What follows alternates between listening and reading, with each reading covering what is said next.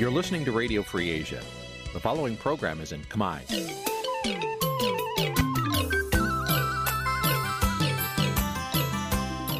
នេះជាកម្មវិធីផ្សាយ Vuthu Azizi Serai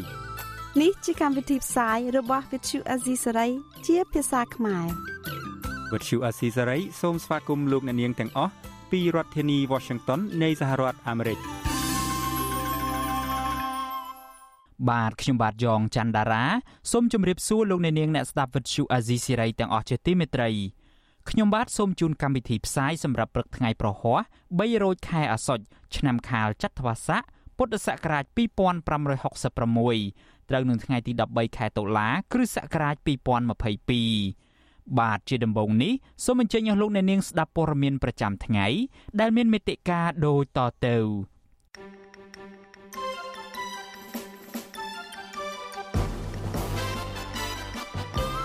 លោកសំរងស៊ីជំរុញឲ្យលោកហ៊ុនសែនយកសាលក្រមតុលាការបារាំងមកអនុវត្តនៅប្រព័ន្ធតុលាការកម្ពុជារឿងក្តីលោកកឹមសុខា បន្តអូសបន្លាយដោយគ្មានលទ្ធផល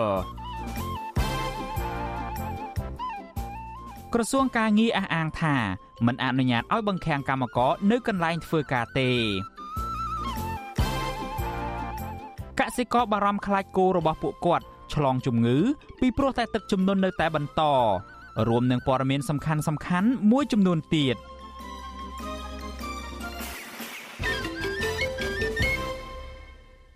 បាទជាបន្តទៅទៀតនេះខ្ញុំបាទយ៉ងច័ន្ទដារាសូមជូនព័ត៌មានទាំងនេះពិស្ដា សាលាដំបងរាជធានីភ្នំពេញ កាលពីថ្ងៃទី12តុលាម្សិលមិញ បានប្រើពេលពេញមួយថ្ងៃដើម្បីសាកសួរសាក់សីមួយចំនួន នៅក្នុងសំណុំរឿងរបស់លោកកឹមសុខានៅក្នុងនោះរួមទាំងអ្នកនាំពាក្យគណៈបកកណ្ដាលអំណាចម្នាក់ផងដែរអ្នកខ្លំមើលសវនាការរីគុណថាសាក់សីដែលជាអ្នកនាំពាក្យគណៈបកកណ្ដាលអំណាចនោះធ្លាប់មានទំនាស់ផលប្រយោជន៍បុគ្គលផង និងទំនាស់ផលប្រយោជន៍ផ្នែកនយោបាយផងហេតុដូច្នេះមិនអាចជឿជាក់បានថាសាក់សីនោះ អាចផ្ដល់ចម្លើយពិតប្រាកដបាននោះឡើយបាទលោកទីនហ្សាការីយ៉ារាយការណ៍ព័ត៌មាននេះសវនាការលើកទី60នៃសំណុំរឿងលោកកម្មសខាតឡាការបានចែកចេញជាពីរពេល ដើម្បីសាកសួរសាកសីគឺពេលព្រឹកនិងពេលរសៀលនៅពេលព្រឹកតឡាការបានសួរសាកសីដែលជាអ្នកនាំពាក្យគណៈបកប្រជាជនកម្ពុជានិងជាអតីតសហការីរបស់លោកកម្មសខាគឺលោកឆំផលវរុននិងយុវជនធ្វើការងារសង្គមម្នាក់ទៀត អ្នកនាំពាក្យគណៈបកប្រជាជនកម្ពុជាលោកឆំផលវរុនបានដឹងថាលោកបំភ្លឺជូនតឡាការតាក់ទងនឹងលោកដែលបំពេញការងារនៅមជ្ឈមណ្ឌលសិទ្ធិមនុស្សកម្ពុជាដែលពេលនោះលោកកម្មសខាធ្វើជាប្រធានមជ្ឈមណ្ឌលសិទ្ធិមនុស្សលោកឲ្យដឹងទៀតថាតឡាការបានសួរលោកពីការងារផ្ទៃក្នុងរបស់មជ្ឈមណ្ឌលសិទ្ធិមនុស្សកម្ពុជាឈ្មោះអង្គការអន្តរជាតិដែលផ្ដល់ជំនួយឲ្យស្ថាប័នធ្វើការងារផ្នែកសិទ្ធិមនុស្សមួយនេះ និងចរិតលក្ខណៈរវាងមជ្ឈមណ្ឌលសិទ្ធិមនុស្សកម្ពុជាជាមួយម្ចាស់ជំនួយលោកឈឹមផលវរុនអះអាងទៀតថាលោកមិនបានឆ្លើយសំណួរដាក់លើលោកកម្មសខាប៉ុន្តែលោកថាជួនកាលពាក្យពិតខ្លះមិនអាចធ្វើឲ្យគ្រប់ភាគីពេញចិត្តទាំងអស់គ្នាបានទេ គឺយើងដើរតួជាអ្នកនិយាយការពិតទេហើយយើងអត់និយាយដោយសន្និដ្ឋានឬប្រហែលប្រហែលទេតែប៉ុណ្្នឹងទេប៉ុន្តែបើយើងឥឡូវគិតទៅថានិយាយឲ្យគេពេញចិត្តវាអស់និយាយការពិតបានហ្នឹងព្រោះការពិតខ្លះវារែង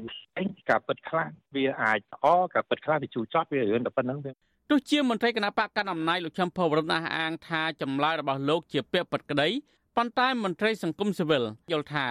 ចម្លើយរបស់សាស័យដែលជាមន្ត្រីគណៈបកកណ្ដាលអំណាចរូបនេះ ជាចម្លើយដាក់បន្ទុកឬចម្លើយដែលមានភាពលំអៀងមន្ត្រីជាន់ខ្ពស់នៃអង្គការការពារសិទ្ធិមនុស្សអាតហុកលោកយីសុកសានដែលតាមដានដំណើររឿងសវនកម្មនេះយល់ថាសាក់សីដែលមកពីភាគីនៃគណៈបញ្ញយោបាយដែលជាប់ពាក់ព័ន្ធនឹងសំណុំរឿងនេះពិបាកឲ្យគេជឿថាការផ្ដល់ចម្លើយរបស់លោកឈឹមផលវរុនគឺជាពាក្យពិតណាស់លោកថាសាក់សីដែលជាប់ពាក់ព័ន្ធនឹងដំណោះផលប្រយោជន៍រួមទាំងនិន្នាការនយោបាយដូចនេះនៅក្នុងសំណុំរឿងក្តីខ្លះ ភាគីចំនួនគេប្តឹងទៅតុលាការស្នើមិនឲ្យទទួលយកមកធ្វើជាសាក្សីនោះទេនៅពេលដែលគាត់ជាភាគីនយោបាយហើយគាត់នៅកាន់បកនយោបាយមួយហើយធ្វើជាសាក្សីឲ្យរឿងនយោបាយមួយអានឹងវាធ្វើឲ្យប៉ះពាល់ដល់ឯករាជ្យភាពឬមួយក៏ធ្វើឲ្យប៉ះពាល់ដល់អាការនិយាយផងគាត់នឹងវាមិនពិតទេរីឯអ្នកគាំទ្រលកម្មសខាវិញលោកយឹមស៊ីណនសង្កេតឃើញថាចម្លើយភាកច្រើនរបស់លោកឆឹមផវរុន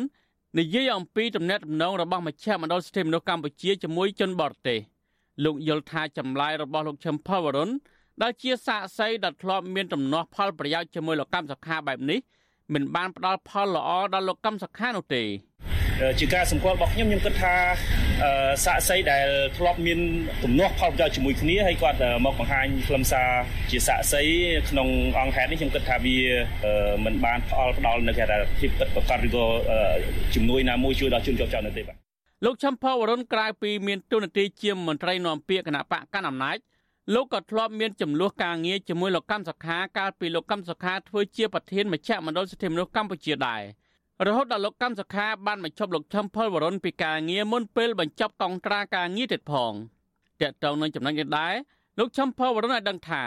តឡាកាក៏បានសួរពីមូលហេតុនៃការបណ្ដេញលោកចេញពីមជ្ឈមណ្ឌលសិទ្ធិមនុស្សកម្ពុជាមុនកិច្ចសន្យានេះដែរក្រៅពីនេះសាកសីម្នាក់ទៀតគឺសកម្មជនការងារសង្គមគឺលោកស្រីកែវស្រីនាងឲ្យដឹងថាតឡាកាបានសាកសួរលោកស្រីតើតើនៅអង្គហេតុដែលលោកស្រីបានទៅសិក្សាវគ្គខ្លី នៅឯប្រទេសឥណ្ឌូនេស៊ីជាច្រើនឆ្នាំមកហើយលោកស្រីបានប្រាប់ថាការចូលរួមវគ្គសិក្សានេះគឺរៀនពីទូនាទីយុវជនក្នុងការងារបោះឆ្នោតមិនមែនសិក្សាពីបដិវត្តពណ៌ដោយការចោទប្រកាន់របស់តុលាការនោះទេសាស័យរូបនេះបានដឹងថាតុលាការតម្រូវឲ្យលោកស្រីត្រូវចូលបំភ្លឺនៅតុលាការម្ដងទៀតនាថ្ងៃទី13តុលាខាងមុខតកតទៅនៅអង្គហេតុនេះដែរកាលពីសវនកម្មលើកទី58សាលាដំបងរាជធានីភ្នំពេញបានចាប់ប្រកាន់ថាសកម្មជនគណបកសង្គ្រោះជាតិ ចេញទៅចូលរួមវគ្គបណ្ដុះបណ្ដាលនៅប្រទេសឥណ្ឌូនេស៊ីដែលរៀបចំដោយអង្គការមួយឈ្មោះ Canvas ជាគម្រោងបដិវត្តពណ៌ទោះជាយ៉ាងណាលោកកម្មសខាប្រាប់តឡាការថាលោកមិនបានដឹងរឿងនេះទេ ហើយវគ្គសិក្សានោះក៏មិនមែនជាការរៀបចំរបស់គណៈបកនោះដែរចំណែកសាស័យដែលត្រូវចូលបំភ្លឺនៅតឡាការនារសៀលថ្ងៃដដាលនេះវិញក្នុងនោះរួមមានប្រជាពលរដ្ឋមកពីខេត្តមួយចំនួននិងនាយកាមជ្ឈមណ្ឌលសិទ្ធិមនុស្សកម្ពុជានៅស្រីចោតសុភាពជាដើម នៅស្រីចោតសុភាពឲ្យដឹងថាតុលាការបានឆ្កឹះសួរអ្នកស្រីតាក់ទងនឹងប្រភពថាវិការដែលមជ្ឈមណ្ឌលសិទ្ធិមនុស្សទទួលបានពីម្ចាស់ជំនួយដើម្បីធ្វើសកម្មភាពការងាររបស់ខ្លួនអ្នកស្រីលើកឡើងថាតំណាងអัยការបានសាកសួរសំណួរមួយចំនួនមិនពាក់ព័ន្ធនឹងអង្គហេតុនោះទេប៉ុន្តែអ្នកស្រីមិនបានឆ្លើយបំភ្លឺឡើយអ្នកស្រីចោទសភាពនៅតែរិះគន់តុលាការតាក់ទងនឹងការកាត់ក្តីលោកកម្មសខានេះថាជារឿងនយោបាយនិងមិនគួរកើតឡើងនោះទេមើលឃើញទាំងអស់គ្នាថា អាចមានចេតនានយោបាយពីក្រៅក្នុងនោះអញ្ចឹងខ្ញុំសង្ឃឹមថាយើងអាចដូចថាធ្វើយ៉ាងម៉េចក្នុងការដោះស្រាយបញ្ហានយោបាយហើយបញ្ចប់នឹងការចោទប្រកាន់គ្នាហើយមែនតើយើងឃើញឯការចោទប្រកាន់នៅលោកកម្មសខាហ្នឹងគឺគាត់ខ្លួនខ្ញុំមែនតើហើយគ្រាន់តែមាននិន្នាការខុសគ្នាក្នុងផ្នែកនយោបាយឬក៏ដោយសារភាពសកម្មផ្នែកនយោបាយមិនយល់ខ្លាយទៅជាបាត់ល្មើសចំណែកឯមេធាវីការពារក្តីលោកកឹមសុខាវិញគឺលោកមេធាវីច័ន្ទចេនថ្លែងក្រោយពីសវនាការថា លោកសំមិនទាន់ផ្ដល់បទសម្ភាសទេព្រោះសវនាការនេះកំពុងស្ថិតនៅក្នុងការសាកសួរដៃដល់សាកសីសវនាការលើកទី60នេះគឺស្ថិតនៅក្នុងការតាមដានពីតំណាងអង្គទូតមន្ត្រីអង្គការសហប្រជាជាតិនិងមន្ត្រីអង្គការសង្គមស៊ីវិលបន្តចូលឃ្លាំមើលក្នុងបន្ទប់សវនាការដោយសពដងដែរចំណែកនៅក្រៅរបងតុលាការវិញក៏មានអ្នកគាំទ្រលោកកម្មសខាប្រមាណជា40នាក់មកបន្តឃ្លាំមើលនៅមុខតុលាការដែលស្ថិតនៅក្រោមការយាមកាមយ៉ាងតឹងរឹងពីក្រមសមត្ថកិច្ច ទើបតែនៅសប្តាហ៍នេះទេដែលតុលាការបានប្រើពេលវេលាជំនុំជម្រះក្តីពេញមួយថ្ងៃហើយតុលាការក៏នឹងបើកសវនកម្មបន្ថែមមួយទៀតនៅថ្ងៃទី13ខែតុលាតុលាការក្រុងនឹងសាកសួរសាកសីមួយចំនួនបន្ថែមទៀតទាក់ទងនឹងអង្គហេតុថ្ងៃច័ន្ទពណ៌ខ្មៅយុទ្ធនាការកាន់ផ្កាឈោកនិងការចូលរួមវគ្គសិក្សាខ្លីរបស់ក្រុមយុវជនគណៈបកសង្គ្រោះជាតិនៅក្រៅប្រទេសជាដើមសាស័យទាំងនោះរួមមានសកម្មជនដីធ្លីអតីតសកម្មជនគណៈបកសង្គ្រោះជាតិ និងយុវជនធ្វើការងារសង្គមខ្ញុំទីនសាការីយ៉ាអសិលសេរីប្រធានីវ៉ាស៊ីនតោនបាទលោកអ្នកនាងជាទីមេត្រីតកតងទៅនឹងក្តីក្តាំរវាងលោកហ៊ុនសែននិងលោកសំរងស៊ីនៅឯតុលាការប្រទេសបារាំងវិញគូភាគីទាំងពីរបានអះអាងផ្សេងគ្នា អំពីលទ្ធផលប្តឹងផ្តល់គ្នានៅមុខតុលាការប្រទេសបារាំងជុំវិញការស្លាប់របស់លោកហុកឡុងឌីចំណែកអ្នកប្រើប្រាស់បណ្ដាញសង្គមដែលមាននិន្នាការគ្រប់គ្រងអ្នកនយោបាយល្បីឈ្មោះទាំងពីររូបនេះវិញ ពួកគេក៏បានបញ្ចេញមតិយោបល់យល់ឃើញផ្ទុយគ្នាដែរបាទពីរដ្ឋធានី Washington លោកសេកបណ្ឌិតសូមដកស្រង់ទស្សនៈនៅលើបណ្ដាញសង្គមមួយចំនួនយកមកជម្រាបជូនលោកអ្នកនាងស្ដាប់ដូចតទៅ បាទលោកអ្នកនាងកញ្ញាជាទីមេត្រី ប្រធានស្ដីទីគណៈបកសង្គ្រោះជាតិលោកសំរាំងស៊ីបានសរសេរពន្យល់អំពីពាក្យកលឹះជាភាសាបារាំងនៃខ្លឹមសារក្នុងសាលក្រមរបស់តុលាការបារាំង ដែលជាលទ្ធផលសម្រេចរឿងក្តីរបស់លោកជាមួយលោកនាយករដ្ឋមន្ត្រីហ៊ុនសែនកាលពីថ្ងៃទី11ខែតុលាលោកសំរាំងស៊ីសរសេរថា លោកហ៊ុនសែនអត់ចេះអានអក្សរបារាំងទេដូច្នេះមិនអាចភុតភរគេបានទេ លោកសំរាំងស៊ីក៏បានបកស្រាយដោយយោងទៅលើសារក្រមនោះដែរថាទាំងលោកហ៊ុនសែនទាំងលោកឌីវិជាចាញ់ក្តីហើយចំពោះតុលាការបារាំងចំណែករូបលោក គឺសំរាំងស៊ី បានឈ្នះក្តីហើយចំពោះមុខតុលាការដូចគ្នានេះរីឯអ្នកប្រើប្រាស់បណ្ដាញសង្គមដែលដាក់ឈ្មោះថាសវណ្ណរិទ្ធអុកបានចូលទៅបញ្ចេញមតិនៅក្នុងកេរនី Facebook លោកសំរងស៊ីដែរថាជ័យយោលោកសំរងស៊ីអបអសាទរខ្ញុំពិតជារំភើបណាស់នៅដំណឹងដ៏ល្អមួយនេះ ហើយនេះគឺជាជ័យជំនះរបស់ពលរដ្ឋខ្មែរទាំងមូលផងដែរចំណែកម្ចាស់កេរនី Facebook មួយទៀតឈ្មោះវងរ៉ានី ក៏បានចូលទៅបញ្ចេញមតិឌឺដងទៅតុលាការស្រុកខ្មែរពាក់ព័ន្ធនឹងរឿងក្តីក្តាំលោកហ៊ុនសែននិងលោកសំរងស៊ីនេះដែរថាតុលាការបារាំងជាតុលាការដែលឯករាជ្យមិនមែនជាតុលាការអាយ៉ងដូចនៅស្រុករំដួលនោះទេ ចំណែកម្ចាស់កេរនី Facebook មួយទៀតឈ្មោះថាថាលសវុតសំហេងបានបញ្ចេញទស្សនៈបញ្ឆិតបញ្ឈៀងទៅលើប្រព័ន្ធតុលាការស្រុកខ្មែរដែរថាយុទ្ធធរពិតជាមាន ច្បាប់ទេវតាបារាំងមិនដូចច្បាប់បិសាចតុលាការអាយ៉ងហសនោះទេ ចំណែកម្ចាស់កេរនី Facebook មួយទៀតឈ្មោះថានាងសខុនបានបញ្ចេញទស្សនៈជុំវិញរឿងនេះដែរថាលោកសំរងស៊ីកំពុងតែស្វែងរកយុទ្ធធរជូនដល់ពលរដ្ឋដែលបានស្លាប់យ៉ាងអយុត្តិធម៌ក្នុងរបបលោកហ៊ុនសែនពេលនេះពលរដ្ឋខ្មែរបានទទួលយុទ្ធធរជាបណ្ដាបណ្ដាហើយយុទ្ធធរត្រូវតែឈ្នះលើអយុត្តិធម៌ ជាមួយគ្នានេះដែរម្ចាស់កេរនី Facebook ឈ្មោះពេជ្រអង្គរបានបញ្ចេញទស្សនៈយល់ឃើញជុំវិញរឿងនេះដែរថាលុយនិងអំណាចរបស់ត្រកូលហមិនមានឥទ្ធិពលលើតុលាការនៃប្រទេសបារាំងបាននោះទេ បាទលោកហ៊ុនសែននិងកូនប្រសាររបស់លោកគឺលោកឌីវិជាបានរួមគ្នាប្តឹងលោកសំរងស៊ីកាលពីថ្ងៃទី20ខែសីហាឆ្នាំ2019 ទៅតុលាការប្រទេសបារាំងពីបទបរិហាកេរចំពោះការដែលលោកសំរងស៊ីចោទលោកហ៊ុនសែនថាជាអ្នករៀបចំផែនការសម្លាប់អតីតមេប៉ូលីសក្រុងភ្នំពេញនិងជាដន្លងរបស់លោកគឺលោកហុកឡុងឌីបណ្ដឹងនេះ កើតមានឡើងបន្ទាប់ពីលោកសំរងស៊ីកាលពីថ្ងៃទី2ខែមិថុនាឆ្នាំ2019បានសរសេរសារនៅលើ Facebook របស់លោកថាលោកហ៊ុនសែនជាអ្នកបញ្ជាឲ្យសម្លាប់លោកហុកឡុងឌីតាមរយៈធ្វើឲ្យផ្ទុះអធម្មភិកយៈដែលលោកហុកឡុងឌីកំពុងជិះពីភ្នំពេញទៅខេត្តស្វាយរៀងកាលពីថ្ងៃទី9វិច្ឆិកាឆ្នាំ2008តុលាការបារាំងបានបើកសវនាការជំនុំជម្រះរឿងក្តីនេះកាលពីថ្ងៃទី1ខែកញ្ញាឆ្នាំ2022 តុលាការបារាំងបានប្រកាសសាលក្រមនៅថ្ងៃទី10ខែតុលាដោយសម្រេចលើកលែងការចោទប្រកាន់លើលោកសំរងស៊ីក្នុងសំណុំរឿងបរិហាកេដែលប្តឹងដោយលោកហ៊ុនសែននិងកូនប្រសារគឺលោកឌីវិជាអ្នកគាំទ្រលោកសំរងស៊ីបានសាទរដោយទឹកបាក់ទំនប់លើលទ្ធផលជ័យជំនះនៅតុលាការប្រទេសបារាំងនោះ ចំណែកឯខាងលោកនាយករដ្ឋមន្ត្រីហ៊ុនសែននិងអ្នកគាំទ្រលោកវិញក៏ចេញមុខបកស្រាយអំពីលទ្ធផលវិជ្ជមាន នៅតុលាការប្រទេសបារាំងដូចគ្នានោះដែរទំព័រ Facebook របស់លោកនាយករដ្ឋមន្ត្រីហ៊ុនសែននិងស្ថាប័នសារព័ត៌មានជាច្រើន ដែលគាំទ្រលោក បានផុសឬផ្សព្វផ្សាយអំពីការពន្យល់បកស្រាយរបស់មេធាវីរបស់លោកហ៊ុនសែនគឺលោកគីតិចអំពីសាលក្រមសម្រាប់ក្តីរបស់តុលាការបារាំងនោះថាតុលាការបារាំង បានសម្រេចមិនអោយលោកហ៊ុនសែនស្ថិតនៅក្រោមការស្លាប់របស់លោកហុកឡុងឌីដោយការចោទប្រកាន់របស់លោកសំរងស៊ីនោះទេលោកហ៊ុនសែនក៏បានសរសេរសារបញ្ជាក់យ៉ាងខ្លី លើទំព័រ Facebook របស់លោកផ្ទាល់ដែរថា ទៅពីខ្មែរដល់បារាំងខ្ញុំចង់បានតែប៉ុណ្្នឹងទេ សូមអស់លោកដែលចេះភាសាបារាំងអានអត្ថបទទាំងមូលដែលចេញដោយតុលាការបារាំងទើបយល់ច្បាស់ លោកក៏បានផុសភ្ជាប់មកជាមួយនៅសាលក្រមទាំងស្រុងជាភាសាបារាំងផងដែរស្របពេលជាមួយគ្នានោះដែរលោកហ៊ុនសែនក៏បានថ្លែងអះអាងបន្ថែមទៀតកាលពីថ្ងៃទី11តុលាថាលោកបានទទួលនៅអ្វីដែលលោកចង់បានហើយតុលាការប្រទេសបារាំងបានទទួលស្គាល់ថាលោកមិនបាននៅពីក្រោយការសម្លាប់លោកហុកឡុងឌីនោះទេព្រោះអ្វីដែលខ្ញុំចង់បានគឺខ្ញុំចង់ខ្ញុំចង់ទៅដល់ផ្ទះគេ ខ្ញុំអត់កាត់ទោសខ្ញុំតទៅដល់ផ្ទះគេ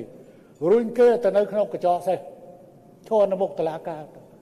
ហើយឲ្យគេសម្ដែងតួជាយំមួយណាតែឥឡូវគេចេញមកអញ្ចឹង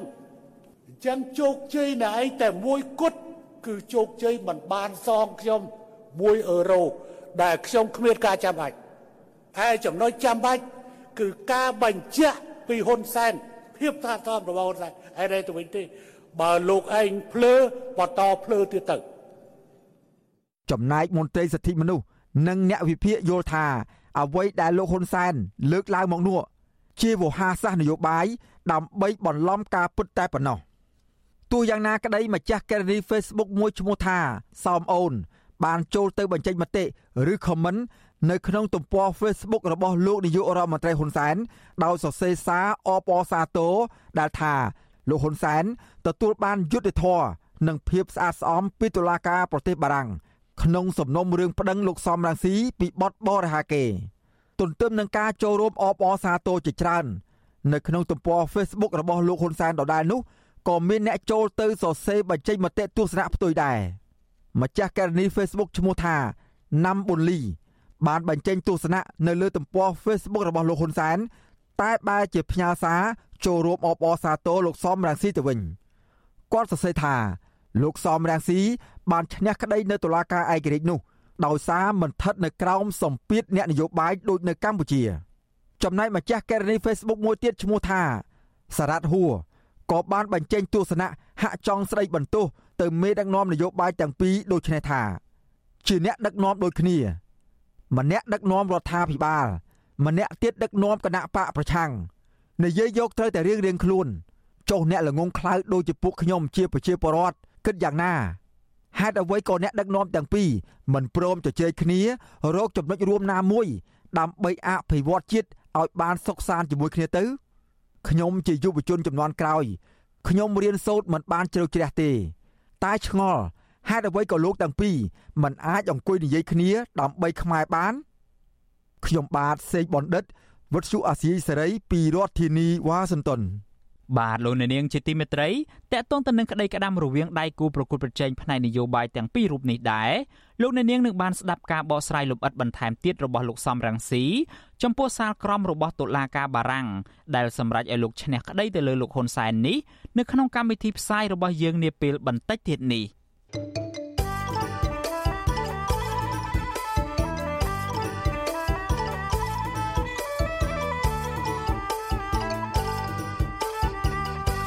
បាទលោកអ្នកនាងជាទីមេត្រីពាក់ព័ន្ធទៅនឹងរឿងក្តីក្តាំនៅតុលាការនេះដែរតុលាការកំពូលកាលពីថ្ងៃទី12ខែតុលាម្សិលមិញនេះបានសម្រេចបញ្ជូនសំណុំរឿងកូនប្រុសសកម្មជនគណៈបកប្រឆាំង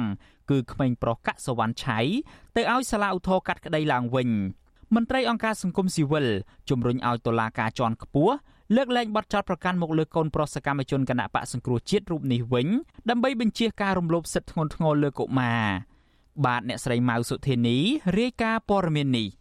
សេចក្តីសម្រេចរបស់តុលាការកំពូលបានបញ្ជូនសំណុំរឿងកុមារកសវណ្ណឆៃឲ្យសាលាតកាត់ក្តីឡើងវិញដោយតុលាការកំពូលទទួលយកអង្គហេតុរបស់ដោយការសម្រេចនៃសាលាតក៏ប៉ុន្តែបដិសេធចំពោះការផ្ដន្ទាទោសនិងការដាក់លក្ខខណ្ឌ6ចំណុចទៅលើកុមារកសវណ្ណឆៃ កុមារកសវណ្ណឆៃមានអាយុ17ឆ្នាំ គឺជាកូនប្រុសរបស់លោកកកុម្ភាដែលជាសកម្មជនគណៈបកគ្រូជាតិកំពុងជាប់ឃុំនៅពន្ធនាគារប្រៃសណពីបទរួមកំណត់ក្បត់កម្លាំងសមត្ថកិច្ចបានឃាត់ក្មេងរូបនេះកាលពីថ្ងៃទី25ខែសុភាឆ្នាំ2021ដោយចោទថាកុមាររូបនេះបានជេរប្រមាថមេដឹកនាំរដ្ឋាភិបាល នៅក្នុងក្រុមបណ្ដាញសង្គម Telegram បន្ទាប់ពីបានជាប់ឃុំនៅពន្ធនាគារប្រៃសណម៉ូ2អស់រយៈពេល4ខែ15ថ្ងៃមកកុមារកសវណ្ណឆៃត្រូវបានតឡាការដោះលែងឲ្យមានសេរីភាពវិញ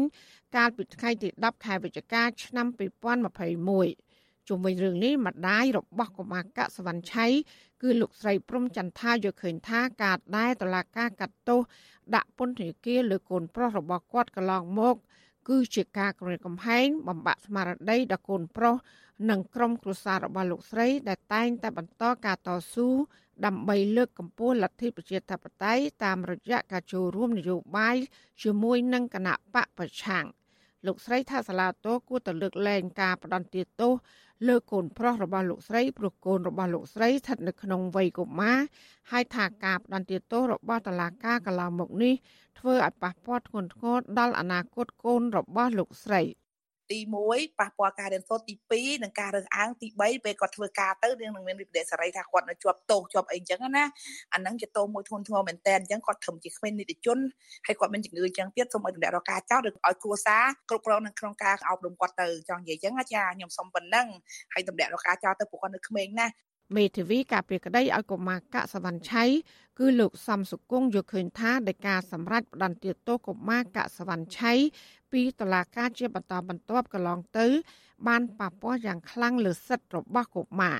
លោកបន្ថែមថាផ្អែកតាមច្បាប់ក្រមព្រហ្មទណ្ឌអនុសញ្ញាស្តីពីសិទ្ធិរបស់កុមារនិងច្បាប់ស្តីពីយុត្តិធម៌កុមារ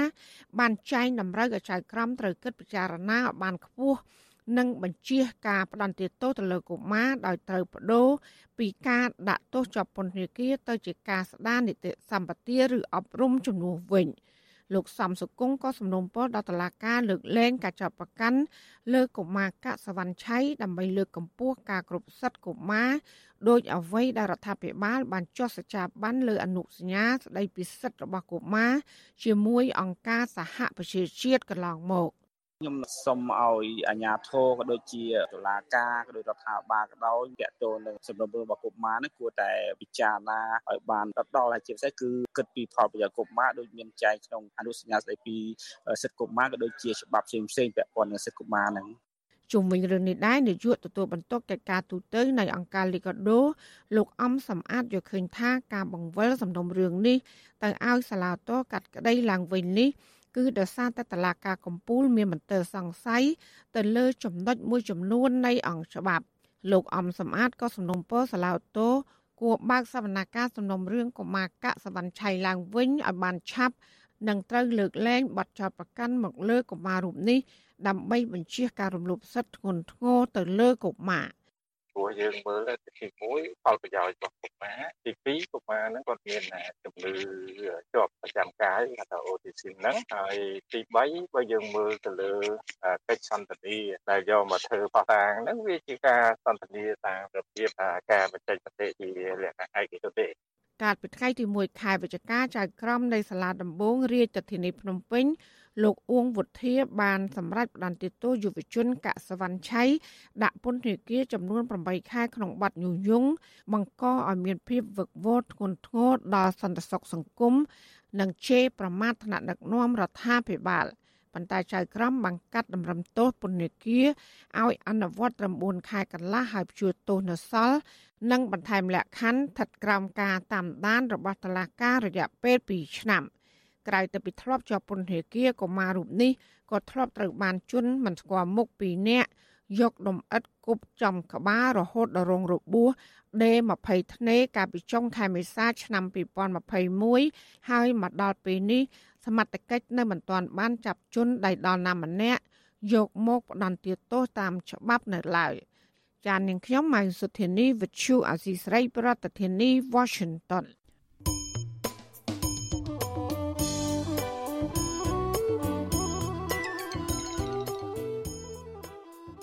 លោកអ្នកនាងជាទីមេត្រីដំណើរគ្នានឹងស្ដាប់ការផ្សាយវិទ្យុអាស៊ីសេរីតាមបណ្ដាញសង្គម Facebook និង YouTube លោកអ្នកនាងក៏អាចស្ដាប់កម្មវិធីផ្សាយរបស់វិទ្យុអាស៊ីសេរីតាមរលកធាតុអាកាសខ្លីឬ Shortwave តាមកម្រិតនិងកម្ពស់ដូចតទៅនេះពេលព្រឹកចាប់ពីម៉ោង5កន្លះដល់ម៉ោង6កន្លះតាមរយៈរលកធាតុអាកាសខ្លី12140 kHz ស្មើនឹងកម្ពស់ 25m និង13715 kHz ស្មើនឹងកម្ពស់ 22m ពេលយប់ចាប់ពីម៉ោង7កន្លះដល់ម៉ោង8កន្លះតាមរយៈរលក ធាតុអាកាសខ្លី9960 kHz ស្មើនឹងកម្ពស់ 30m 12140 kHz ស្មើនឹងកម្ពស់ 25m និង11885 kHz ស្មើនឹងកម្ពស់ 25m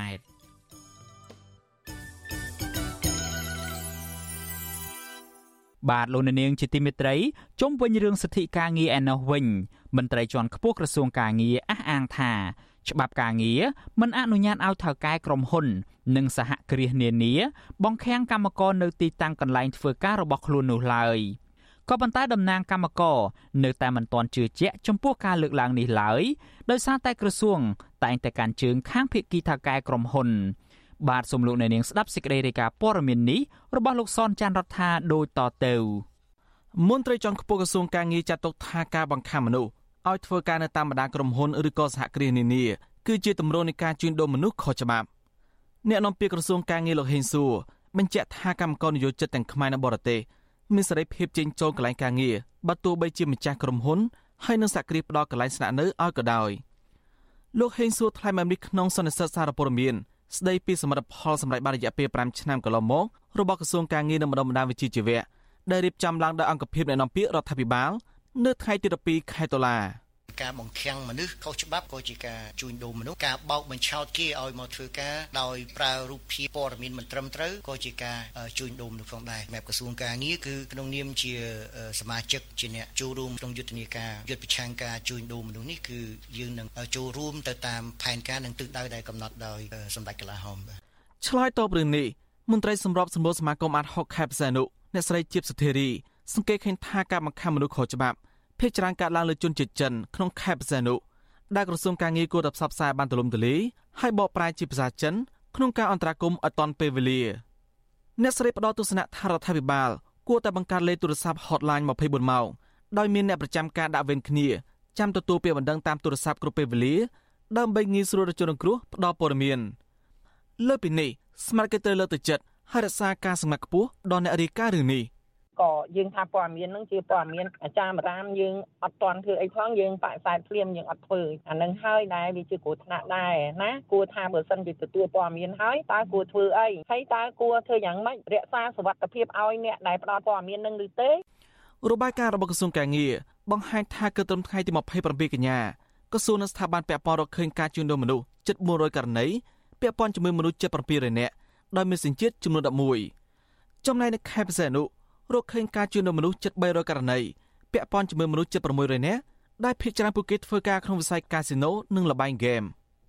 ជុំវិញរឿងនេះនាយកទទួលបន្ទុកកិច្ចការទូតនៅអង្គការលីកាដូលំសមានសង្កេតឃើញថាកន្លងទៅសមត្ថកិច្ចបានរំដោះជនរងគ្រោះភាគច្រើនគឺជាកម្មករធ្វើការតាមកាស៊ីណូនិងកន្លែងកម្សាន្តក្នុងខេត្តបរសេនុខេត្តកណ្ដាលនិងខេត្តស្វាយរៀងជាដើមដែលពាក់ព័ន្ធទៅនឹងការបង្ខាំមនុស្សលោកបញ្ជាក់ថាការលើកឡើងរបស់ក្រសួងការងារគឺជារឿងត្រឹមត្រូវតែអ្វីដែលសំខាន់ ក្រសួងត្រូវធានាថាធ្វើដូចម្តេចដើម្បីកុំឲ្យមានករណីបង្ខាំមនុស្សមានការបង្ខាំខុសច្បាប់កន្លែងការបើកាស៊ីណូឬកន្លែងស្ថានខុសច្បាប់អីជាដើមហ្នឹងអានេះសិតតែពាក់ព័ន្ធនៅក្នុងការត្រួតពិនិត្យនិងចាត់វិធានការផ្លូវច្បាប់ហ្នឹងបាទរបាយការណ៍ស្តីពីការជួញដូរមនុស្សឆ្នាំ2022របស់ក្រសួងការបរទេសអាមេរិកទើបចេញផ្សាយកាលពីថ្ងៃទី19កក្កដាបង្ហាញថារដ្ឋាភិបាលកម្ពុជាមិនបានគោរពពេញលេញនៅស្តង់ដារបរិមាណដើម្បីលុបបំបាត់ការជួញដូរមនុស្ស ហើយមិនបានខិតខំប្រឹងប្រែងប្រឆាំងទៅនឹងការជួញដូរមនុស្សនោះទេលើពីនេះអង្គើពុរលួយជ្រាលជ្រៅក្នុងសង្គមកម្ពុជា នៅតែរារាំងការអនុវត្តច្បាប់ដើម្បីនាំជនល្មើសមកទទួលខុសត្រូវតាមផ្លូវច្បាប់ហើយរារាំងដល់ការផ្តល់សេវាកម្មជូនដល់ជនរងគ្រោះរបាយការណ៍សង្កត់ធ្ងន់ថាអាញាធរកម្ពុជាមិនបានបើកការស៊ើបអង្កេតឬនាំយកមន្ត្រីដែលពាក់ព័ន្ធនឹងបបអក្រិតផ្អែកតាមការរីកាគួរជឿទុកចិត្តភេច្រើនពិសេសនៅពេលដែលពាក់ព័ន្ធនឹងក្រុមអាជីវករអសិលធម៌ដែលបង្ខំឲ្យបរិះស្ត្រីនិងកុមាររាប់ពាន់នាក់ នៅទូទាំងប្រទេសកម្ពុជាធ្លាក់ចូលក្នុងការជួញដូរមនុស្សក្នុងវិស័យសេវាកំសាន្តលអិតហើយប្រតិបត្តិការបែបឆោបមកនៅលើអ៊ីនធឺណិតជាដើមខ្ញុំសនចាររថាវិទ្យុអេស៊ីសេរីរាយការណ៍ពីរដ្ឋធានីវ៉ាស៊ីនតោនបាទលោកនាងជាទីមេត្រីពាក់ព័ន្ធទៅនឹងរឿងសិទ្ធិការងារនិងការជួញដូរកម្លាំងពលកម្មនេះដែរ អាញាធរកម្ពុជា បានបញ្ជូនពលរដ្ឋវៀតណាមចំនួន78នាក់ដែលរងការចាញ់បោកធ្វើការនៅកាស៊ីណូខុសច្បាប់តាមច្រកព្រំដែនអន្តរជាតិមុខបៃនៅក្នុងខេត្តតៃ ninh កាលពីថ្ងៃទី11ខែតុលាសារព័ត៌មានវៀតណាម Express ចុះផ្សាយកាលពីថ្ងៃទី11ខែតុលាឲ្យដឹងថា នៅពេលពិនិត្យឆាយឆេនិងផ្ទៀងផ្ទាត់អត្តសញ្ញាណជនរងគ្រោះទាំងនោះដើម្បីបញ្ជូនត្រឡប់ទៅស្រុកកំណើតខ្លួនវិញសមត្ថកិច្ចវៀតណាមបានរកឃើញជនសង្ស័យម្នាក់ពីបទរត់ពន្ធមនុស្សឆ្លងដែនខុសច្បាប់និងបានប្រគល់ឲ្យប៉ូលីសក្រុងហូជីមិញរួចហើយដើម្បីស៊ើបសួរបន្ថែមនិងបន្តនីតិវិធីតាមច្បាប់ស្ថានទូតវៀតណាមប្រចាំនៅកម្ពុជាឲ្យដឹងថាអាញាធរវៀតណាមសហការជាមួយអាញាធរកម្ពុជាបានជួយសង្គ្រោះជនជាតិវៀតណាមជាង600នាក់ ដែលរងគ្រោះពីការបោកប្រាស់ឲ្យមកធ្វើការខុសច្បាប់នៅតាមកាស៊ីណូតាមព្រំដែនកម្ពុជាវៀតណាមជនជាតិវៀតណាមទាំងនោះត្រូវបានថៅកែជនជាតិចិនចាប់បង្ខាំងឲ្យធ្វើការឆបោកតាមប្រព័ន្ធអនឡាញខណៈវិនិយោគិនដែលជាជនជាតិចិនអភិវឌ្ឍមជ្ឈមណ្ឌលទីក្រុងហេងហេងទទួលបានកិច្ចគាំពៀពីមន្ត្រីក្រាក់ក្រាក់នៅក្នុងជួររដ្ឋាភិបាលលោកហ៊ុនសែនរបាយការណ៍របស់ក្រសួងមហាផ្ទៃឲ្យដឹងថា គិតចាប់តាំងពីថ្ងៃទី18ខែសីហាមក សមត្ថកិច្ចទទួលបានបណ្ដឹងជិត400ករណីនៅក្នុងនោះនៅខេត្តព្រះសីហនុមានជាង200ករណី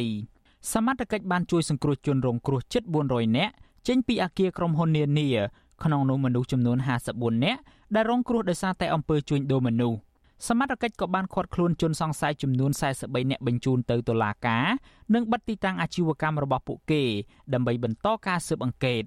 ចំណែកអគ្គនាយកដ្ឋានអន្តោប្រវេសន៍កាលពីថ្ងៃទី12ខែតុលាឲ្យដឹងដែរថាកម្ពុជាបានបណ្ដេញជនបរទេស157នាក់ថែមទៀតក្រោយចាប់ខ្លួនពីបទឆ្លងដែននិងស្នាក់នៅខុសច្បាប់នៅក្នុងចំណោមជនបរទេសចំនួន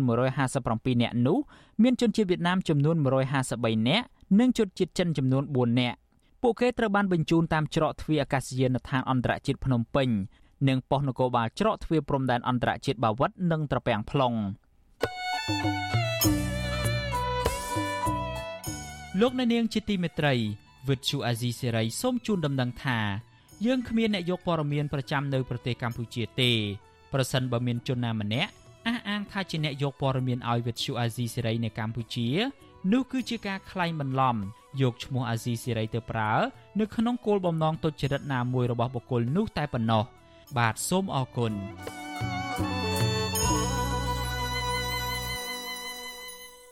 លោកអ្នកនាងកំពុងស្ដាប់ការផ្សាយរបស់ Vuthu Azizi Serai ពីរដ្ឋធានី Washington នៃសហរដ្ឋអាមេរិកងាកទៅបញ្ហារបស់ប្រជាពលរដ្ឋនៅឯខេត្តភៀកពាយ័ព្យឯណោះវិញកសិករចិញ្ចឹមគោក្របីនៅខេត្តបន្ទាយមានជ័យនិងខេត្តបៃលិនកំពុងប្រួយបារម្ភពីសត្វចិញ្ចឹមមានជំងឺរាតត្បាតដោយសារតែភ្លៀងនៅតែបន្តធ្លាក់ខ្លាំងហើយទឹកជំនន់ក៏បន្តអូសបន្លាយរយៈពេលយូរកសិករលើកឡើងថាសត្វគោក្របីនិងសត្វមួយចំនួនទៀតនៅតាមមូលដ្ឋានបានងាប់ ដោយសារតែការប្រែប្រួលអាកាសធាតុហើយកសិករខ្វះបច្ចេកទេសនៅក្នុងការគាំពារសត្វមន្ត្រីសង្គមស៊ីវិលយល់ឃើញថាក្រសួងកសិកម្មគួរតែចាត់មន្ត្រីក្រមអាវ៉ាតចុះត្រួតពិនិត្យនិងទប់ស្កាត់ជាបន្ទាន់ដើម្បីការពារសត្វចិញ្ចឹមរបស់កសិករឲ្យបានទាន់ពេលវេលា បាទលោកលេងម៉ាលីរាយការណ៍ព័ត៌មាននេះកសិករចិញ្ចឹមគោនៅខេត្តបន្ទាយមានជ័យនិងខេត្តបៃលិនបារម្ភអំពីសត្វចិញ្ចឹមរបស់ពួកគាត់ឈឺច្រើន និងពិបាករកកន្លែងបំផ្លាស់ទីក្រោយទឹកជំនន់ជន់លិចភូមិស្រុករបស់ពួកគាត់កសិករចិញ្ចឹមគោក្របីម្នាក់នៅឃុំពន្លៃស្រុកភ្នំស្រុកលោកសួនឆានប្រាប់វិទ្យុអស៊ីសេរីនៅថ្ងៃទី12តុលាថាលោកព្រួយបារម្ភនិងសោកស្ដាយជាខ្លាំងដែលក្របីងាប់ពីក្បាលដោយសារជំងឺសារទឹកកន្លងមកលោកបន្តថាលោកនិងអ្នកភូមិក្បែរខាងងាប់គោក្របីដោយអ្នកខ្លះ2ក្បាល អ្នកខ្លះ9ក្បាល និងអ្នកខ្លះទៀត16ក្បាលជាបន្តបន្ទាប់ លោកស៊ុនឆានបន្ថែមថាកន្លងមកនៅតំបន់ពួកគាត់រស់នៅមិនដែលបានទទួលការប្រឹក្សាពីមន្ទីរកសិកម្មអំពីរបៀបចិញ្ចឹមសត្វឡើយដោយពួកលោកតែងតែរកពេទ្យសត្វក្នុងភូមិឬទិញថ្នាំមកព្យាបាលគោក្របីដោយខ្លួនឯង អរឿងវាជឿអាជីវសាបងក៏វាជីជីវសាចាប់មួយមិនបាច់ចោលតែនេះចាប់គោលណាចាប់គោលសំណងអាជីវសាទឹកយើងក៏វាចាប់វាចាប់ដល់មកពោះបីពុំមុតចូលតំណងអត់មានបាក់ចាំជីយូរទេដូចចំនួនជីវសាវាស្ទើរអាធ្លាក់ដោភ្លីងមកម្ដងពីរដងគេវាចាប់ដើមជួនកាលទៅវាជីប៉ះស្មាពូលហ្មងក្បីនេះដល់ពេលជីប៉ះស្មាពូប៉ះណាទៅវាហើបទៅពោះធម្មតាប៉ះណាទៅវាជីកាច់ចូលតំណងស្រដៀងគ្នានេះដែរកសិករចិញ្ចឹមគោម្នាក់ទៀតនៅឃុំសាលាក្រៅស្រុកសាលាក្រៅខេត្តបៃលិន លោកស្រីកឹមណៃលើកឡើងថាលោកស្រីចិញ្ចឹមគោសរុប50ក្បាល ដោយគោទាំងនោះមិនទាន់មានការជំងឺអ្វីនៅឡើយទេលោកស្រីបន្តថាអ្វីត្បិតតែគោក្របីរបស់គាត់មិនទាន់មានជំងឺក៏ដោយក៏លោកស្រីនៅតែព្រួយបារម្ភព្រោះកន្លងមកគ្មានបច្ចេកទេសអ្វីច្បាស់លាស់ឡើយគឺគ្រាន់តែទិញថ្នាំពីពេទ្យសត្វរួចយកមកចាក់សត្វគោដោយខ្លួនឯងប៉ុណ្ណោះលោកស្រីកឹមណៃស្នើសុំឲ្យមន្ទីរកសិកម្មខេត្តបៃលិនចុះត្រួតពិនិត្យ ផ្ដល់បច្ចេកទេសថែទាំនិងបង្ការជំងឺសត្វដល់ពលរដ្ឋនៅតាមឃុំសង្កាត់លោកស្រីកឹមណៃក៏អំពាវនាវដល់រដ្ឋាភិបាលនិងស្ថាប័នពាក់ព័ន្ធឲ្យគិតគូររកទីផ្សារលក់គោដល់កសិករក្នុងតម្លៃសមរម្យដែរព្រោះសប្តាហ៍ថ្ងៃតម្លៃគោក្របីកំពុងចុះថោកក ចាបារម្ភដូចថាខែវិឈឺដូចកាលមុនចេញអាបោះខ្យល់បោះអីចឹងទៅយើងបារម្ភដែរតែដល់ពេលយើងទៅតាក់ទងពេទ្យទៅគេឲ្យថ្នាំអីមកក៏ចាក់ត្រូវខ្ញុំចាក់តែខ្លួនឯងខ្ញុំមិនដែលហៅពេទ្យសាច់ផងអត់ណែមានមន្ទីរមានអីមកសួរនាំអីផងចាំយូរហើយទៅទៅលក់លក់ទៅទៅវាកើតវាកើតទៅឈឺអីយើងមើលទិញថ្នាំចាក់ខ្លួនយើងយើងទៅសួរពេទ្យទៅយើងទិញចាក់ទៅអត់ដែលតាក់ទងរឿងកសិកម្មកាក់អីផង កសិករចិញ្ចឹមគោព្រួយបារម្ភថាប្រសិនបើទឹកជំនន់ទឹកភ្លៀងនៅតែបន្តអូសបន្លាយហើយសត្វចិញ្ចឹមឈឺងាប់នោះជីវភាពរបស់អ្នកចិញ្ចឹមសត្វនឹងកាន់តែក្រីក្រហើយគ្មានប្រាក់សងបំណុលធនាគារកសិករភៀកច្រើនក្រៅពីរបរដាំដុះពួកគាត់តែងតែចិញ្ចឹមសត្វគោក្របីជ្រូកមាន់ទាពពែនិងសត្វជៀមជាដើមដើម្បីជួយដោះស្រាយជីវភាពគ្រួសារវិទ្យុអស៊ីសេរីមិនអាចតាក់ទងแนะនាំពាក្យក្រសួងកសិកម្មរុក្ខាប្រមាញ់និងនេសាទ គឺលោកស្រីវុធីនិងប្រធានការិយាល័យជំនាញផលិតកម្មនិងពសុព្យាបាលនៃមន្ទីរកសិកម្មខេត្តបៃលិន លោកខៀវសុថននិងប្រធានមន្ទីរកសិកម្មខេត្តបន្ទាយមានជ័យលោកប៉ាងសវណ្ណសែតដើម្បីសុំសេចក្តីអធិប្បាយជុំវិញរឿងនេះបានទេនៅថ្ងៃទី12ដុល្លារប៉ុន្តែ Facebook របស់មន្ទីរកសិកម្មខេត្តបៃលិន បង្ហោះព័ត៌មានថាលោកខៀវសុថនដឹកនាំមន្ត្រីសហការជាមួយអាជ្ញាធរភូមិនិងភ្នាក់ងារសុខភាពសត្វភូមិចុះអន្តរាគមន៍ និងតាមដានព្យាបាលជំងឺសត្វពាហនៈបន្ទាប់ពីរងផលប៉ះពាល់ពីគ្រោះទឹកជំនន់នៅឃុំសាលាក្រៅនិងឃុំស្ទឹងត្រង់ដោយព្យាបាលគោបានចំនួន12ក្បាលកាលពីថ្ងៃទី10ដុល្លារចំណែក Facebook មន្ទីរកសិកម្មខេត្តបន្ទាយមានជ័យបង្ហាញថា ការិយាល័យផលិតកម្មនិងបសុព្យាបាលបានចុះព្យាបាលសត្វគោរបស់កសិករកំពុងឈឺបាន7ក្បាល នៅស្រុកអូជ្រៅដោយសង្ស័យថាជាជំងឺអត់ក្តាម និងបានជាសះស្បើយ2ក្បាលហើយ មន្ត្រីជំនាញបានណែនាំដល់ម្ចាស់សត្វឲ្យបន្តថែទាំនិងបាញ់ថ្នាំសម្លាប់មេរោគនៅបរិវេណទ្រុងនិងក្រោលជាប្រចាំក្នុងរដូវភ្លៀងនេះជុំវិញរឿងនេះដែរអ្នកជំនាញបច្ចេកទេសកសិកម្មលោកនីណាសង្កេតឃើញថា ជាទូទៅក្នុងអំឡុងពេលទឹកជំនន់បញ្ហាជំងឺសាទឹក និងជំងឺអុតក្តាមកើតរាល់ឆ្នាំហើយប៉ុន្តែក្រោយទឹកជំនន់ស្រកនឹងកើតមានជំងឺអុតក្តាមច្រើន។ លោកថាខេត្តដែលរងផលប៉ះពាល់ដោយសារទឹកជំនន់តែងតែមានការិយាល័យកសិកម្មប្រចាំស្រុកនិងមន្ទីរកសិកម្មខេត្តត្រូវស្រង់ទិន្នន័យនិងស្នើដល់ក្រសួងឲ្យចុះធ្វើអន្តរាគមន៍ចាក់វ៉ាក់សាំងសត្វរបស់ប្រជាពលរដ្ឋនៅតាមមូលដ្ឋានលោកនីណាអំពាវនាវដល់កសិករដែលមានបញ្ហាសត្វកើតជំងឺថាត្រូវប្រញាប់តាក់ទងទៅក្រសួងកសិកម្មជាពិសេសអគ្គនាយកដ្ឋានសុខភាពសត្វនិងផលិតកម្មសត្វដែលមានលេខទូរស័ព្ទ023 883 746ដើម្បីអន្តរាគមន៍ដល់ពួកគាត់ទាន់ពេលវេលា។ ទាំងអនាគតទាំងបច្ចុប្បន្នគឺយើងត្រូវតែមានផែនការទុកជាមុនថាខែណា គឺជាខែដែលជំងឺអុតក្តាមជំងឺសាទឹកកើតឡើងហើយមន្ទីរកសិកម្មក្រសួងកសិកម្មហើយនិងប្រជាពលរដ្ឋត្រូវធ្វើម៉េចដើម្បីបង្ការទុកជាមុនបាទសិនបើយើងបដែតបដោយទុកឲ្យជំងឺនឹងវារាតត្បាតទៅហើយហើយយើងមកធ្វើការព្យាបាលវាយឺតពេលបាទហើយដំណោះស្រាយគឺយើងត្រូវតែចាក់វ៉ាក់សាំងការពារទុកជាមុននៅពេលដែលទឹកចំនួនកើតឡើងយើងត្រូវតែត្រៀមក្នុងការបង្ការយើងចាក់វ៉ាក់សាំងទុកមុនទៅហើយ។កន្លងមកក្រោយពីទឹកជំនន់ជំងឺឆ្លងលើសត្វគោតែងតែកើតមានស្ទើររៀងរាល់ឆ្នាំប៉ុន្តែអាជ្ញាធរហាក់គ្មានផែនការច្បាស់លាស់ក្នុងការបង្ការទប់ស្កាត់ដល់កសិករនោះទេកសិករនិងសង្គមស៊ីវិលអំពាវនាវដល់រដ្ឋាភិបាលនិងស្ថាប័នពាក់ព័ន្ធឲ្យរកដំណោះស្រាយសម្រាប់បញ្ហាបច្ចេកទេសចិញ្ចឹមសត្វនិងសិក្សាស្រាវជ្រាវរកវិធីបង្ការទប់ស្កាត់ជំងឺសត្វជូនដល់ប្រជាពលរដ្ឋនៅតាមមូលដ្ឋានឲ្យបានជាប្រចាំ ដើម្បីជួយសម្រួលដល់ការប្រកបរបរចិញ្ចឹមសត្វរបស់កសិករខ្ញុំបាទលេងម៉ាលីវិទ្យុអស៊ីសេរីរាយការណ៍ពីរដ្ឋធានី Washington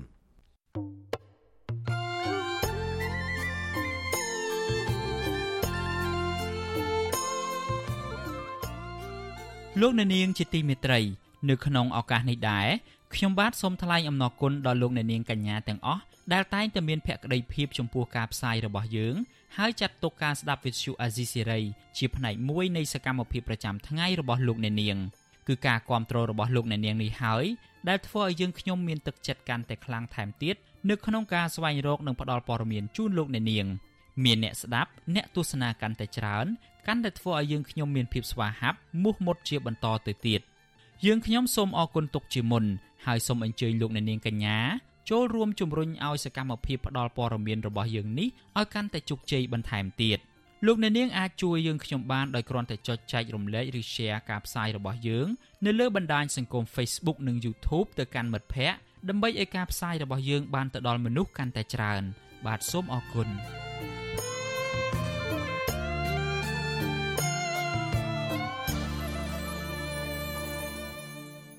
បាទលោកអ្នកនាងជាទីមេត្រី ពាក់ព័ន្ធទៅនឹងរឿងខ្មែរក្រហមឯណោះវិញមេធាវីសាលាក្តីខ្មែរក្រហម អ្នកស្រី Martin Zakang តំណាងឲ្យដើមបណ្ដឹងរដ្ឋប្រវេណីក្រុមទី3បានបរិច្ចាគឯកសារចំនួន1400ច្បាប់ដល់មជ្ឈមណ្ឌលឯកសារកម្ពុជាមជ្ឈមណ្ឌលឯកសារកម្ពុជាបញ្ជាក់ថាការបរិច្ចាគឯកសារទាំងនេះគឺជាសក្ខីភាពនៃជំហានឆ្ពោះទៅមុខសម្រាប់អត្ថប្រយោជន៍របស់ដើមបណ្ដឹងរដ្ឋប្រវេណីជនរងគ្រោះ និងសមាជិកគ្រួសារដែលរស់រានមានជីវិតពីរបបខ្មែរក្រហមដើម្បីធានាថាយុត្តិធម៌មិនមែនបញ្ចប់ទៅ នៅពេលដែលតុលាការខ្មែរក្រហមបិទបញ្ចប់ប្រតិបត្តិការរបស់ខ្លួននោះទេមជ្ឈមណ្ឌលនេះនឹងរក្សាទុកឯកសារប្រវត្តិសាស្ត្រដ៏សំខាន់ទាំងនោះសម្រាប់ការផ្សព្វផ្សាយនិងស្រាវជ្រាវ ដើម្បីធានាថាសាច់រឿងជីវិតរបស់បុគ្គលទាំងនេះនៅតែបន្តចូលរួមនៅក្នុងការអប់រំមនុស្សចំនួនក្រោយនិងដើម្បីស្វែងយល់ពីរបបប្រល័យពូជសាសន៍ខ្មែរក្រហម។ ចាប់តាំងពីឆ្នាំ1995មកមជ្ឈមណ្ឌលឯកសារកម្ពុជា បានជួយដល់អ្នករស់រានមានជីវិតពីរបបខ្មែរក្រហមជាច្រើនអ្នកដើម្បីដាក់ពាក្យបណ្ដឹងនិងប្រម៉ែប្រមូលចងក្រងឯកសារសាច់រឿងនានានឹងការអប់រំអំពីអំពើប្រល័យពូជសាសន៍និងការងាររបស់អង្គជំនុំជម្រះវិសាមញ្ញនៅក្នុងតុលាការកម្ពុជាឬក៏សាលាក្តីខ្មែរក្រហមរហូតមកដល់ពេលនេះមជ្ឈមណ្ឌលឯកសារកម្ពុជា បានពង្រីកសាខាចំនួន5ហើយរួមមានមជ្ឈមណ្ឌលឯកសារខេត្តកំពង់ចាមមជ្ឈមណ្ឌលសន្តិភាពអន្លង់វែងមជ្ឈមណ្ឌលឯកសារខេត្តព្រៃវែងមជ្ឈមណ្ឌលឯកសារកោះថ្ម និងមជ្ឈមណ្ឌលឯកសារខេត្តតាកែវមជ្ឈមណ្ឌលឯកសារកម្ពុជា បន្តធ្វើការងារទៅលើការបង្កើតធនធានដែលមាននៅក្នុងមជ្ឈមណ្ឌលនីមួយៗនិងការបង្កើតមជ្ឈមណ្ឌលបន្ថែមទៀតនៅក្នុងតំបន់ផ្សេងៗទៀត។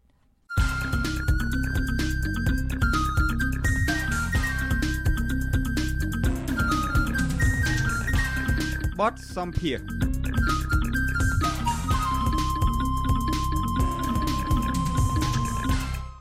បាទលោកនាងជាទីមេត្រីប្រធានស្ដីទីគណៈបកសង្គ្រោះជាតិលោកសំរងស៊ីជំរុញឲ្យលោកហ៊ុនសែនយកសាលក្រមតុលាការបារាំងនៅក្នុងសំណុំរឿងលោកនាយករដ្ឋមន្ត្រីប្តឹងលោកពីបទបរិហាកេរនោះធ្វើជាគំរូសម្រាប់ឲ្យតុលាការកម្ពុជាអនុវត្ត បាទសូមលោកអ្នកនាងស្ដាប់បទសម្ភាសន៍របស់លោកជុនច័ន្ទបុតនិងលោកសំរងស៊ីអំពីបញ្ហានេះដូចតទៅ លោកហ៊ុនសែនបានលើកឡើងថាការដែលទៅប្តឹងលោកសំរងស៊ីដល់ប្រទេសបារាំងនឹងគឺជាការតាមវាយលោកសំរងស៊ីដល់ផ្ទះតែម្ដង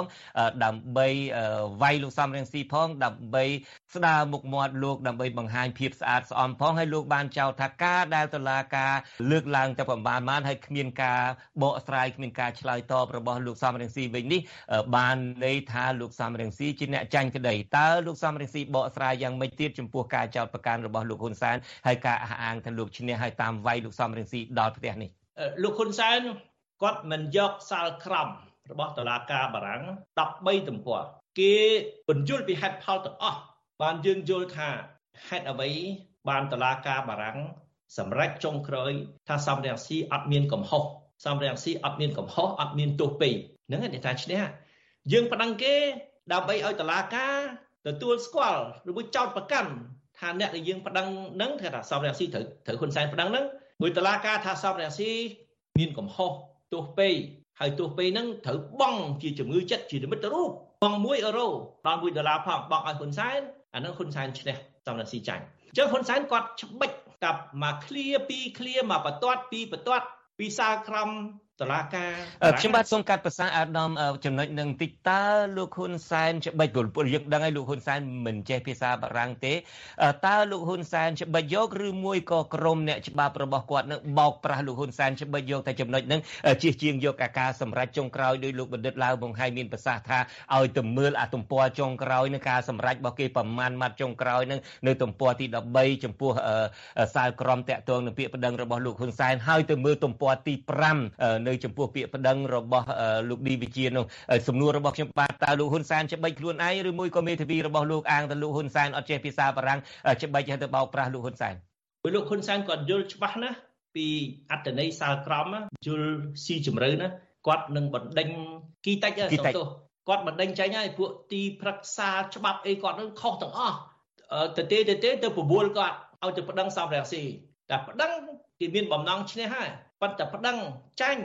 សំរងស៊ីតឡាការទទួលស្គាល់ថាសំរងស៊ីអត់មានទោសកំហុសអីយើងចោទសំរងស៊ីចោទសំរងស៊ីខុសអញ្ចឹងគីតិចហើយអ្នកច្បាប់អី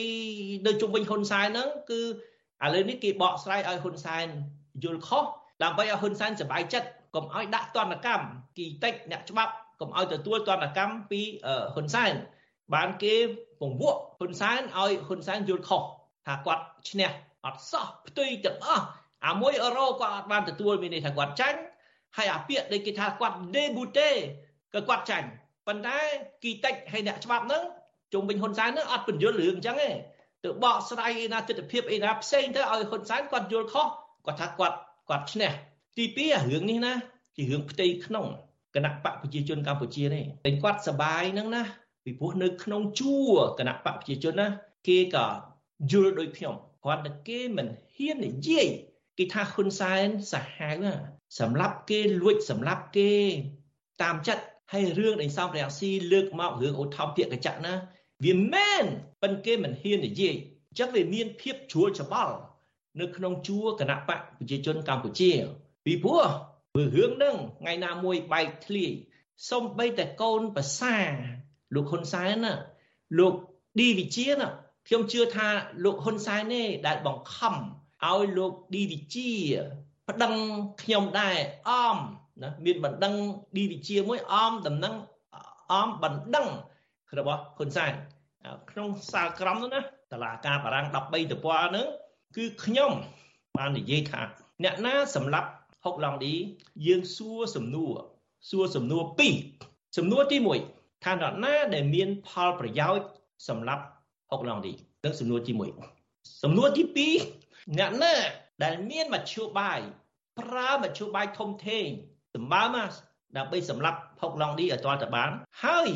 មានអំណាចរួចផុតពីតឡាការបើតឡាការឯករាជ្យមែនបើតឡាការចង់ស្វែងរកយុត្តិធម៌ឲ្យហុកឡង់ឌីមែនគឺត្រូវចាប់ហ៊ុនសែនដែរពីព្រោះសំណួរពីរហ្នឹងចម្លើយវាគ្មាននរណាក្រៅពីហ៊ុនសែនទេអ្នកណាដែលមានផលប្រយោជន៍សម្រាប់ហុកឡង់ឌី មានតែហ៊ុនសែនទេព្រោះហុកឡង់ឌីដឹងរឿងច្រើនពេកហុកឡង់ឌីដឹងអាកំបាំងហ៊ុនសែនច្រើនពេកហើយហុកឡង់ឌីហ្នឹងធ្វើឲ្យហ៊ុនសែនក្តៅក្រហាយភ័យអញ្ចឹងត្រូវតែកម្ចាត់ហុកឡង់ឌីមានន័យថាហ៊ុនសែនហើយហ៊ុនសែនម្នាក់គត់មានផលប្រយោជន៍សម្រាប់ហុកឡង់ឌីសំណួរទី2អ្នកណាដែលមានមជ្ឈបាយសម្រាប់ហុកឡង់ឌីដាក់គ្រាប់បែកក្នុងឧទ្ធម្ភាគកញ្ចក់ អ្នកណាដែលអាចរៀបចំបញ្ជាការរៀបចំអញ្ចឹងបានមានតែហ៊ុនសែនទេមួយទៅអ្នកណាដែលមានអំណាចការពារខ្លួនឲ្យរួចខ្លួនកុំឲ្យគេស៊ើបអង្កេតដើម្បីបំបិតដានដើម្បីបង្វែរដានកុំឲ្យគេរកខ្លួនឃើញគិច្ចពីការចោតប្រកាន់ក៏មានអំណាចមានអំណាចខ្ពស់បញ្ជាតឡាការបញ្ជាប៉ូលីស ដើម្បីឲ្យអ្នកដែលបញ្ជាការអ្នកសម្រាប់ហុកឡងឌីហ្នឹងគឺខ្លួនឯងហ្នឹងហ៊ុនសែនហ្នឹងរួចខ្លួនអញ្ចឹងមានតែហ៊ុនសែនខ្លួនឯងទេដែលមានអំណាចធ្វើឲ្យខ្លួនរួចខ្លួនសម្រាប់គេហើយបានរួចខ្លួនអាហ្នឹងហើយគឺហ៊ុនសែនអញ្ចឹងហើយបានសំនួរណាតឡាការសួរខ្ញុំថាសំរងស៊ីអីមានភ័ស្តុតាងជាក់ស្ដែងថាហ៊ុនសែននេះជាអ្នកសម្រាប់ទៅថាមានរូបថតដែលហ៊ុនសែនឬមួយហ៊ុនសែនប្រើ គ្នាគាត់ទៅដាក់ក្របបែកតែអត់មានទេអាណាថតបានហ៊ុនសែនគាត់មានអំណាចដល់ប៉ុណ្ណឹងអ្នកណាទៅចាប់អ្វីដែលហ៊ុនសែនកំពុងតែធ្វើអ្នកណាដែលចាប់បានមានសម្លេងមានសម្លេងហ៊ុនសែនដែលបញ្ជាថាឥឡូវយកគ្រាប់បែកយកទៅដាក់ក្នុងឧទ្ធម្ភាគកញ្ចក់ហូឡង់ឌីអ្នកឯងមានខ្សែអាត់ទេមានសម្លេងហ៊ុនសែននិយាយអញ្ចឹងទេហ៎មិនបានខ្ញុំប្រជាពលរដ្ឋសាមញ្ញខ្ញុំខ្ញុំនៅក្នុងជួរគណៈបកប្រឆាំងទៀត អ្នកណាទៅយកឯកសារសម្ងាត់អញ្ចឹងបានពីគណៈបកប្រជាជនប៉ុន្តែខ្ញុំប្រៀបធៀបថាដូចប៉ុលពតអញ្ចឹងប៉ុលពតណាគេដឹងថាគាត់ទទួលខុសត្រូវកាប់សម្លាប់ប្រជាពលរដ្ឋខ្មែរ2លាននាក់តើអ្នកណាមានភ័ស្តុតាងថាប៉ុលពតបាននិយាយបានណែនាំឬមួយប៉ុលពតបានសម្លាប់អ្នកណាម្នាក់ខ្លួនឯងខ្មែរស្លាប់2លាននាក់តើមានភ័ស្តុតាងមានភ័ស្តុតាងជាក់ស្ដែង ថាពលពតបានសម្លាប់ខ្លួនឯងឬមួយថាពលពតនឹងបានបញ្ជាមានរូបថតពលពតឬមួយមានសម្លេងពលពតបញ្ជាអៀងសារីបញ្ជាដូចអីថាទៅសម្លាប់ទៅសម្លាប់ទៅសម្លាប់ទៅអត់មានខ្វះតាំងទេប៉ុន្តែខ្មែរស្លាប់2លានអ្នកមែនអញ្ចឹងរឿងនេះណាមិនទាន់ចាប់ទេសំរងស៊ីអត់មានកំហុសទេតឡាការឲ្យសំរងស៊ីទទួលស្គាល់ថាសំរងស៊ីអត់មានកំហុសអត់ទៅបង់1អឺរ៉ូឲ្យហ៊ុនសែនទេ ខ្ញុំបាទសូមសួរសំណួរនេះមួយទៀតទេលោកហ៊ុនសែនបានលើកឡើងថាអ្វីត្បិតតែលោកអះអាងថាលោកឈ្នះក្តីក៏ដោយចុះក៏ប៉ុន្តែលោកអះអាងថាលោកនឹងមិនទៅប្តឹងឧទ្ធរថទៅទៀតទេហើយគាត់រុញថាលោកសំរៀងស៊ីបើសិនជាមិនសុខចិត្តទេឲ្យទៅប្តឹងឧទ្ធរថែមទៀតទៅតើលោក មានផែនការយ៉ាងណាដែរខាន់ចប់ត្រឹមចំណុចនេះហើយនឹងងាកទៅតែរឿងការបោកគ្រាប់បែក ដែលលោកបានប្តឹងតុលាការបារាំងឬមួយរឿងនេះខាន់ចប់ត្រឹមប៉ុណ្ណេះអាដាមសូមជឿនៅចំពោះមុខតុលាការណាតើតអ្នកចាញ់បានប្តឹងឧទ្ធរអ្នកឈ្នះអត់ប្តឹងឧទ្ធរទេយើងឈ្នះហើយយើងសប្បាយចិត្តយើងទៅប្តឹងឧទ្ធរធ្វើអីបាទឧទ្ធរឲ្យគេសើរើសេចក្តីសម្រេចពីសាលាដំបងអញ្ចឹងមានន័យថាអ្វីដែលលោកហ៊ុនសែនប្រកាសថាគាត់នឹងមិនប្តឹងឧទ្ធរនឹងមានន័យថាហាក់ដូចជាគាត់ទទួលស្គាល់ថាគាត់ចាញ់ទៅហើយបាទអញ្ចឹងបាទ ព្រោះពួកគាត់មិនប្តឹងឧទ្ធរមានន័យថាគាត់តែយើងចាញ់វាយើងទៅប្តឹងឧទ្ធរព្រោះតែអ្នកណាមកសួរខ្ញុំថាខ្ញុំទៅប្តឹងឧទ្ធររឿងអីខ្ញុំប្តឹងឧទ្ធរព្រោះខ្ញុំឈ្នះហើយទៅមើលមើលតឡាការសុខខ្មែរក៏អញ្ចឹងដែរតើតែយើងចាញ់បើយើងទៅឧទ្ធរបើយើងឈ្នះយើងមិនបាច់ទៅឧទ្ធរប៉ុន្តែលោកលោកជនចបតខ្ញុំសូមអនុញ្ញាតនិយាយអ្វីដែលខ្ញុំចង់និយាយចុងក្រោយបាទខ្ញុំចង់ឲ្យលោកហ៊ុនសែនខ្លួនឯងក្នុងជួរគណៈបកប្រជាជនកម្ពុជា អ្នកដឹកនាំប្រទេសទាំងអស់យកសាលក្រមដែលលោកហ៊ុនសែនគាត់ សบายចិត្តណាដែលទទួលសាលក្រមហ្នឹងណាគាត់សบายចិត្តមែនទេឥឡូវវាថាសบายចិត្តសុំយកសាលក្រមហ្នឹងយកមកពិនិត្យទៅដកមេរៀនថាចំណេញអ្វីខ្លះដល់ប្រទេសកម្ពុជាដល់ប្រព័ន្ធយុតិធធម៌ប្រទេសកម្ពុជាអ្វីដែលហ៊ុនសែនសบายចិត្តហ្នឹងសូមឲ្យហ៊ុនសែនយកសាលក្រមហ្នឹងយកមកដកមេរៀនមេរៀនណាដែលសំខាន់ជាងគេសិទ្ធិសម្ដែងមតិទោះជាខ្ញុំអត់មានភ័ស្តុតាង100%ថាហ៊ុនសែនជាអ្នកសម្លាប់អុកឡង់ឌីក៏ដោយ តឡាការថាខ្ញុំនិយាយនឹងមិនទាន់មានមានភ័ស្តុតាងក៏ដោយមិនទាន់មានភ័ស្តុតាងគ្រប់គ្រាន់ក៏ដោយប៉ុន្តែតឡាការអត់មានឲ្យខ្ញុំមានទោសឲ្យខ្ញុំបងពីនៃឲ្យហ៊ុនសែនទេតឡាការឲ្យខ្ញុំរួចខ្លួនឲ្យឈរលើគោលការណ៍សិទ្ធិមនុស្សសិទ្ធិសម្ដែងមតិអញ្ចឹងដែលហ៊ុនសែនសប្បាយចិត្តហ្នឹងដោយសារគេគោរពសិទ្ធិសម្ដែងមតិអញ្ចឹងសូមឲ្យលោកហ៊ុនសែនហ្នឹងដែលសប្បាយចិត្តពីសាលក្រមហ្នឹងធ្វើតាម អ្វីដែលសាលក្រមគេលើកឡើងសិទ្ធសំដាយមតិរបស់ប្រជាពលរដ្ឋរឿងអីកាត់ឲ្យលោកសឹងឆៃបង់ពីនៃ80ម៉ឺនដុល្លារហើយខ្ញុំអត់មានទោសកំហុសបង់1អឺរ៉ូ1ដុល្លារក៏អត់បង់ដែរឃើញវាខុសគ្នាដូចមេឃនឹងដីអញ្ចឹងបើលោកហ៊ុនសែនសប្បាយចិត្តសូមយកអាសប្បាយចិត្តរបស់គាត់ហ្នឹងដោយសារគេឈរលើសិទ្ធិសម្ដែងមតិអញ្ចឹងឲ្យលោកហ៊ុនសែនយកសិទ្ធិសម្ដែងមតិ ដែលគេទទួលស្គាល់ប្រទេសបារាំងទទួលស្គាល់ប្រទេសកម្ពុជាប្រជាធិបតេយ្យទទួលស្គាល់ឲ្យលោកហ៊ុនសែនយកសិទ្ធិសម្ដែងមតិហ្នឹងយកទៅអនុវត្តនៅប្រទេសកម្ពុជាផងសូមឲ្យលោកហ៊ុនសែននឹងគោរពសិទ្ធិសម្ដែងមតិរបស់ប្រជាពលរដ្ឋខ្មែរម្នាក់ម្នាក់ផង បាទដូច្នេះយើងបញ្ចប់ត្រឹមនឹងចុះសាររបស់លោកសំរងស៊ីគឺថាបើសិនជាលោកហ៊ុនសែនបើសិនជាអ្នកគ្រប់គ្រងសបាយចិត្តនឹងសាលដីកាឲ្យលោកសំរងស៊ីរួចផុតពីការបញ្ចេញរួចផុតពីបទបរិហាគេក្នុងការបញ្ចេញមតិរបស់យើងសូមឲ្យយកគំរូនៃតុលាការបារាំងនេះទៅអនុវត្តចំពោះអ្នកបញ្ចេញមតិទាំងឡាយណាចំពោះអ្នកទាំងឡាយណាដែលអាញាធរចោតប្រកាន់ពីបទបរិហាគេមានលោកសុនឆៃជាដើមបាទដូច្នេះយើងបញ្ចប់ត្រឹមនឹងហើយខ្ញុំបាទសូមអរគុណអាដាមសំរងស៊ីហើយសូមជម្រាបលាតែត្រឹមនេះអរគុណលោកជុនច័ន្ទវុតអរគុណបងប្អូនជនជាតិខ្មែរទាំងអស់ដែលបានតាមដានស្ដាប់បទសម្ភាសន៍របស់យើងបាញ់បាញ់នេះលោកអ្នកនាងទើបតែបានស្ដាប់បទសម្ភាសន៍រវាងលោកជុនច័ន្ទបុតនិងលោកសំរងស៊ីដែលប្រធានស្ដីទីគណៈបកសង្គ្រោះជាតិរូបនេះជំរុញឲ្យលោកហ៊ុនសែនយកសាលក្រមតុលាការបារាំងធ្វើជាគំរូសម្រាប់ប្រព័ន្ធតុលាការកម្ពុជា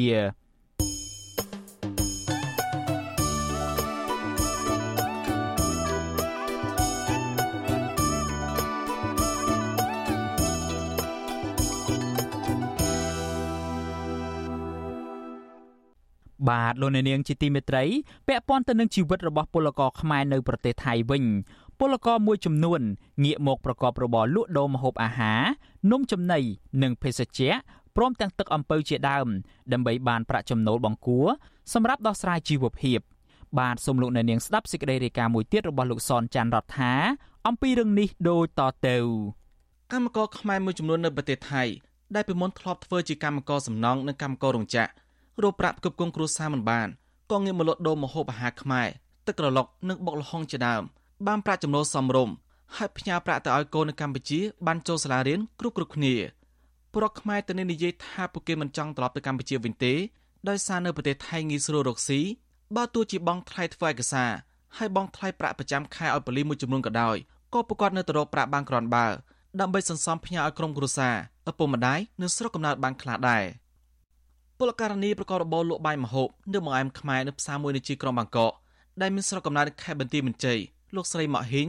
និយាយទាំងដៃកំពុងហាន់ទំពាំងសម្រាប់ស្លលក់ពេលយប់ថាតាំងពីលោកស្រីនិងប្តីឈប់ធ្វើជាកម្មករលើកដាក់បន្លាយឲ្យជនជាតិថៃមកក៏ងាកមកធ្វើបាយម្ហូបនៅម្អែមខ្មែរលក់ឲ្យពលករខ្មែរធ្វើឲ្យជីវភាពគ្រួសារលោកស្រីមានប្រាក់ចំណូលសមរម្យហើយអាចផ្ញើលុយកូនទាំង3នាក់ចូលរៀនសូត្របានគ្រប់គ្រាន់ លោកស្រីបន្តថាបាយម្ហូបលោកស្រីភ ieck ច្រើនមានតែកម្មករខ្មែរដែលធ្វើការនៅក្នុងផ្សារមកទិញ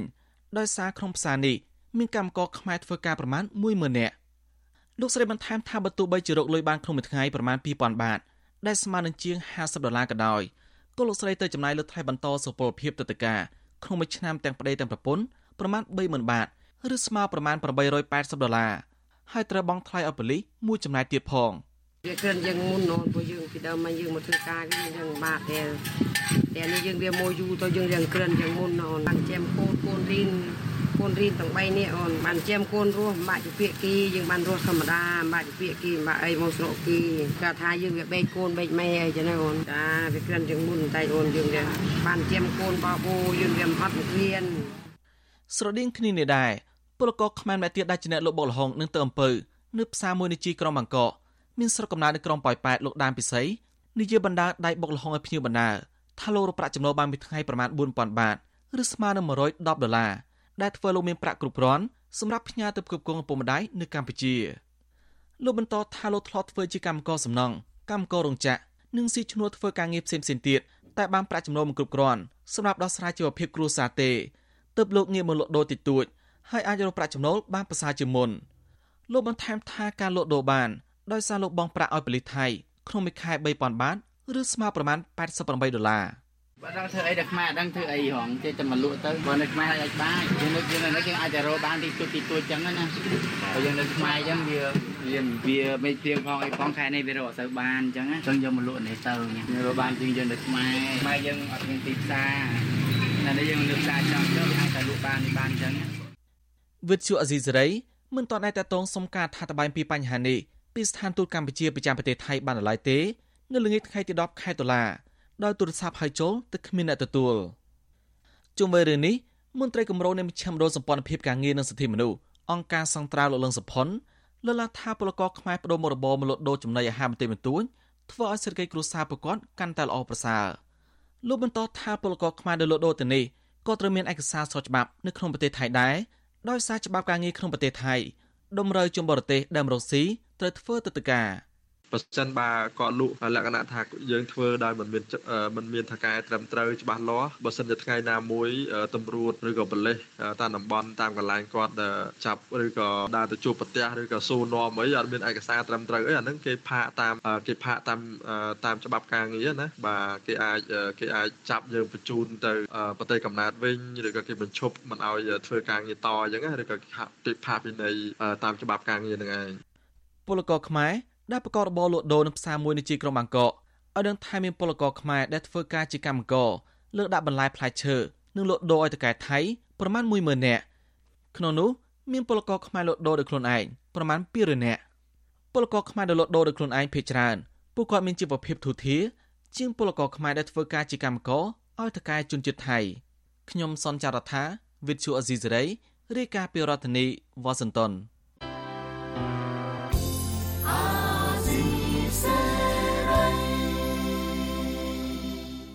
លោកអ្នកនាងជាទីមេត្រីការផ្សាយរយៈពេល1ម៉ោងរបស់វិទ្យុអាស៊ីសេរីនៅព្រឹកនេះចប់ត្រឹមតែប៉ុណ្ណេះយើងខ្ញុំសូមជូនពរដល់លោកអ្នកនាងព្រមទាំងក្រុមគ្រួសារទាំងអស់ឲ្យជួបប្រកបតែនឹងសេចក្តីសុខចម្រើនរុងរឿងកុំបីឃ្លៀងឃ្លាតឡើយខ្ញុំបាទយ៉ងច័ន្ទដារាព្រមទាំងក្រុមការងារទាំងអស់នៃវិទ្យុអាស៊ីសេរីសូមអរគុណនិងសូមជម្រាបលា